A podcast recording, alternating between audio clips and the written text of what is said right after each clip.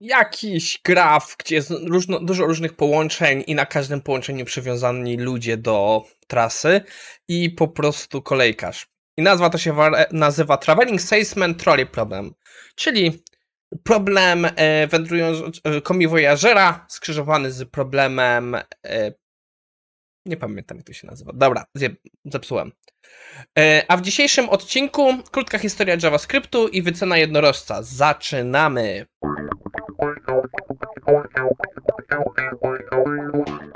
Dzisiaj piję herbatę z kubka Luisa. Jedna chyba z najlepszych pamiętek dostałem po Objectivity. W podziękowaniu dostałem ten kubek na odchodna. Hmm. Wiecie co? Ten mój czajnik to robi dobrego Raybosa. Ja nie potrafię takiego zrobić. Co my tak teraz pomyślałem? Kurczę, jeśli jesteście, pracujecie w jakiejś firmie i macie kubki firmowe, to dajcie znać. Ja chętnie przytulę parę. Może nawet pokażę je w odcinkach. Dobra, ale to jest, to dziwnie zabrzmiało. Um, żebyśmy nie tracili czasu, bo dzisiaj będzie napakowany odcinek. Zaczynamy. Naszym pierwszym artykułem jest krótka historia JavaScriptu. Nie jest krótka.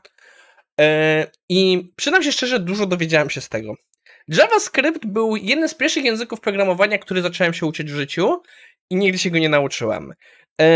Dlaczego w gimnazjum jeszcze przyjąłem kontrolę, a raczej zostałem adminem strony internetowej szkolnej i przez pewien czas ją utrzymywałem. E, wtedy się uczyłem HTML-a i uczyłem się także trochę PHP i chciałem JavaScriptu, bo ogólnie myślałem o pójściu w jakieś dewelopowanie stron.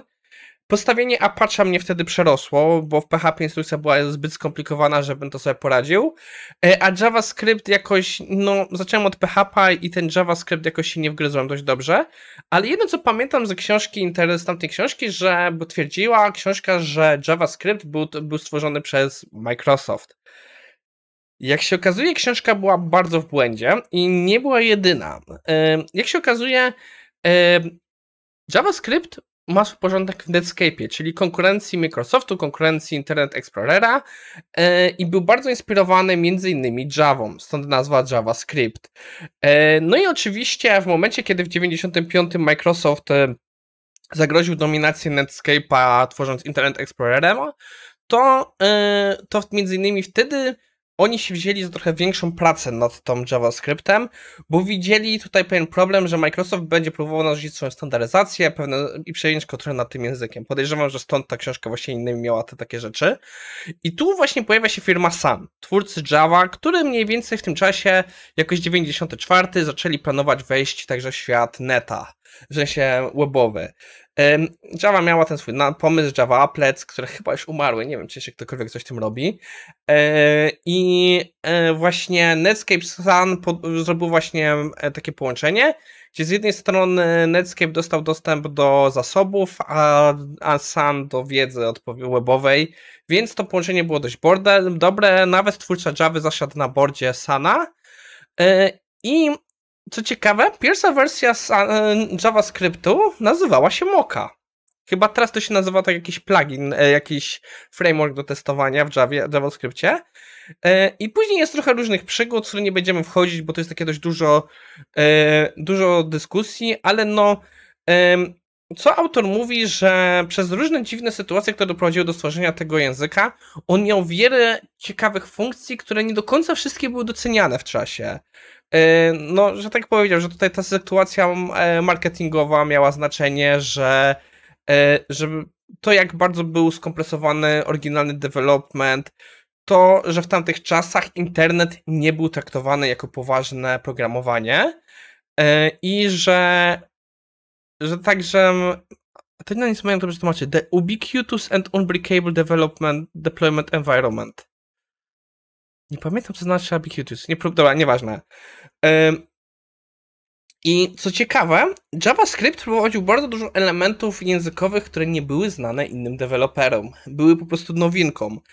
E, do tego stopnia, że wiele autorów książek o JavaScriptie nie rozumiało, jak działa ten język, i wiele książek z tego okresu, i to jest okres, w którym właśnie z mojego pochodzi, moja książka pochodziła, no, sami nie rozumieli podstawowego działania tego języka, więc e, dużo błędów wtedy powstało.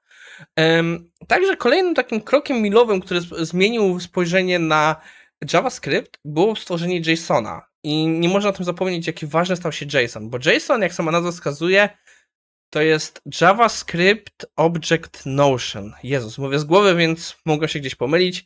Na pewno poprawicie mnie w komentarzach.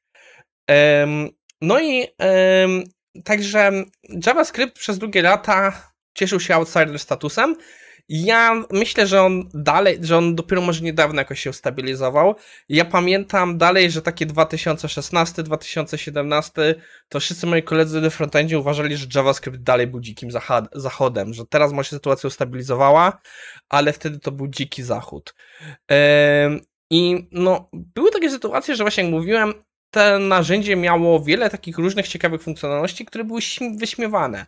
Z tego co rozumiem, to był pierwszy język, który posiadał coś takiego jak Automatic Semicolon Insertion, czyli e, jeśli dobrze rozumiem, to że nie potrzebował tych semikolon, że właśnie nie potrzebował średników na końcu, że miał lupy dla eventów, że nie posiadał klas, co jak widzimy nie do końca było dobrym pomysłem, bo no TypeScript wprowadził klasy i chyba jeśli dobrze pamiętam ES6, który jest standardem supersetem też prowadził klasy i no fakt ten jego sposób dziedziczenia mnie osobiście dalej irytuje. No i no brak asynchronii. Coś, co teraz bardzo wszystkich chyba boli, to że oryginalnie ten e, tool nie miał asynchroniczności. Że tak naprawdę chyba promisy to była pierwsza próba wprowadzenia asynchroniczności do JavaScriptu. Nie łapcie mnie za słowo, tak zrozumiałem z tutoriali od, od promisów. Mogę się mylić. No i oczywiście, że nawet sam twórca za wiele razy przepraszał za pewne decyzje, które podjął, ale co fajnie zaznacza autor tego artykułu, fakt, że twórca za te rzeczy przeprasza, nie znaczy, że one były błędne. Oznacza to, że nie da rady stworzyć języka dla wszystkich i z tym się zgadzam. No i na zakończenie popada jeszcze jedna rzecz, że JavaScript stał się de facto językiem weba. I tu nie do końca się zgodzę. Jak zobaczymy niedługo w raporcie Stack Overflow, językiem weba dalej jest PHP. Jak, zresztą już widzieliśmy w wypadku artykułu o Foundation. Moim zdaniem, e, moim zdaniem JavaScript jest, jest dalej językiem frontu, ale myślę, że świat byłby w gorszej sytuacji bez PHP obecnie niż bez JavaScriptu. No i to jest miejsce, w którym kończymy nasz pierwszy artykuł. O, przepraszam, muszę cofnąć się o jeden ekran. Czy mogę? A więc tak, dzisiaj mamy po raz pierwszy niezwykłą sytuację, bo będziemy patrzeć na artykuł, który jest za paywallem. Do tej pory unikałem takiej sytuacji, ale to jest artykuł, który był wysyłany także w ramach subskrypcji mailowej tutaj, więc przyznam się szczerze, nie wiem jak do tego podejść. Przez to, że robię streszczenie artykułu, wydaje mi się, że to jest w miarę bezpieczne. Nie będę analizował całego całego artykułu, ale też żebyście wiedzieli, że myślę, że to jest najbardziej szara strefa, jak do tej pory się znaleźliśmy. Dyskusja jest na temat y, wyceny unicornów.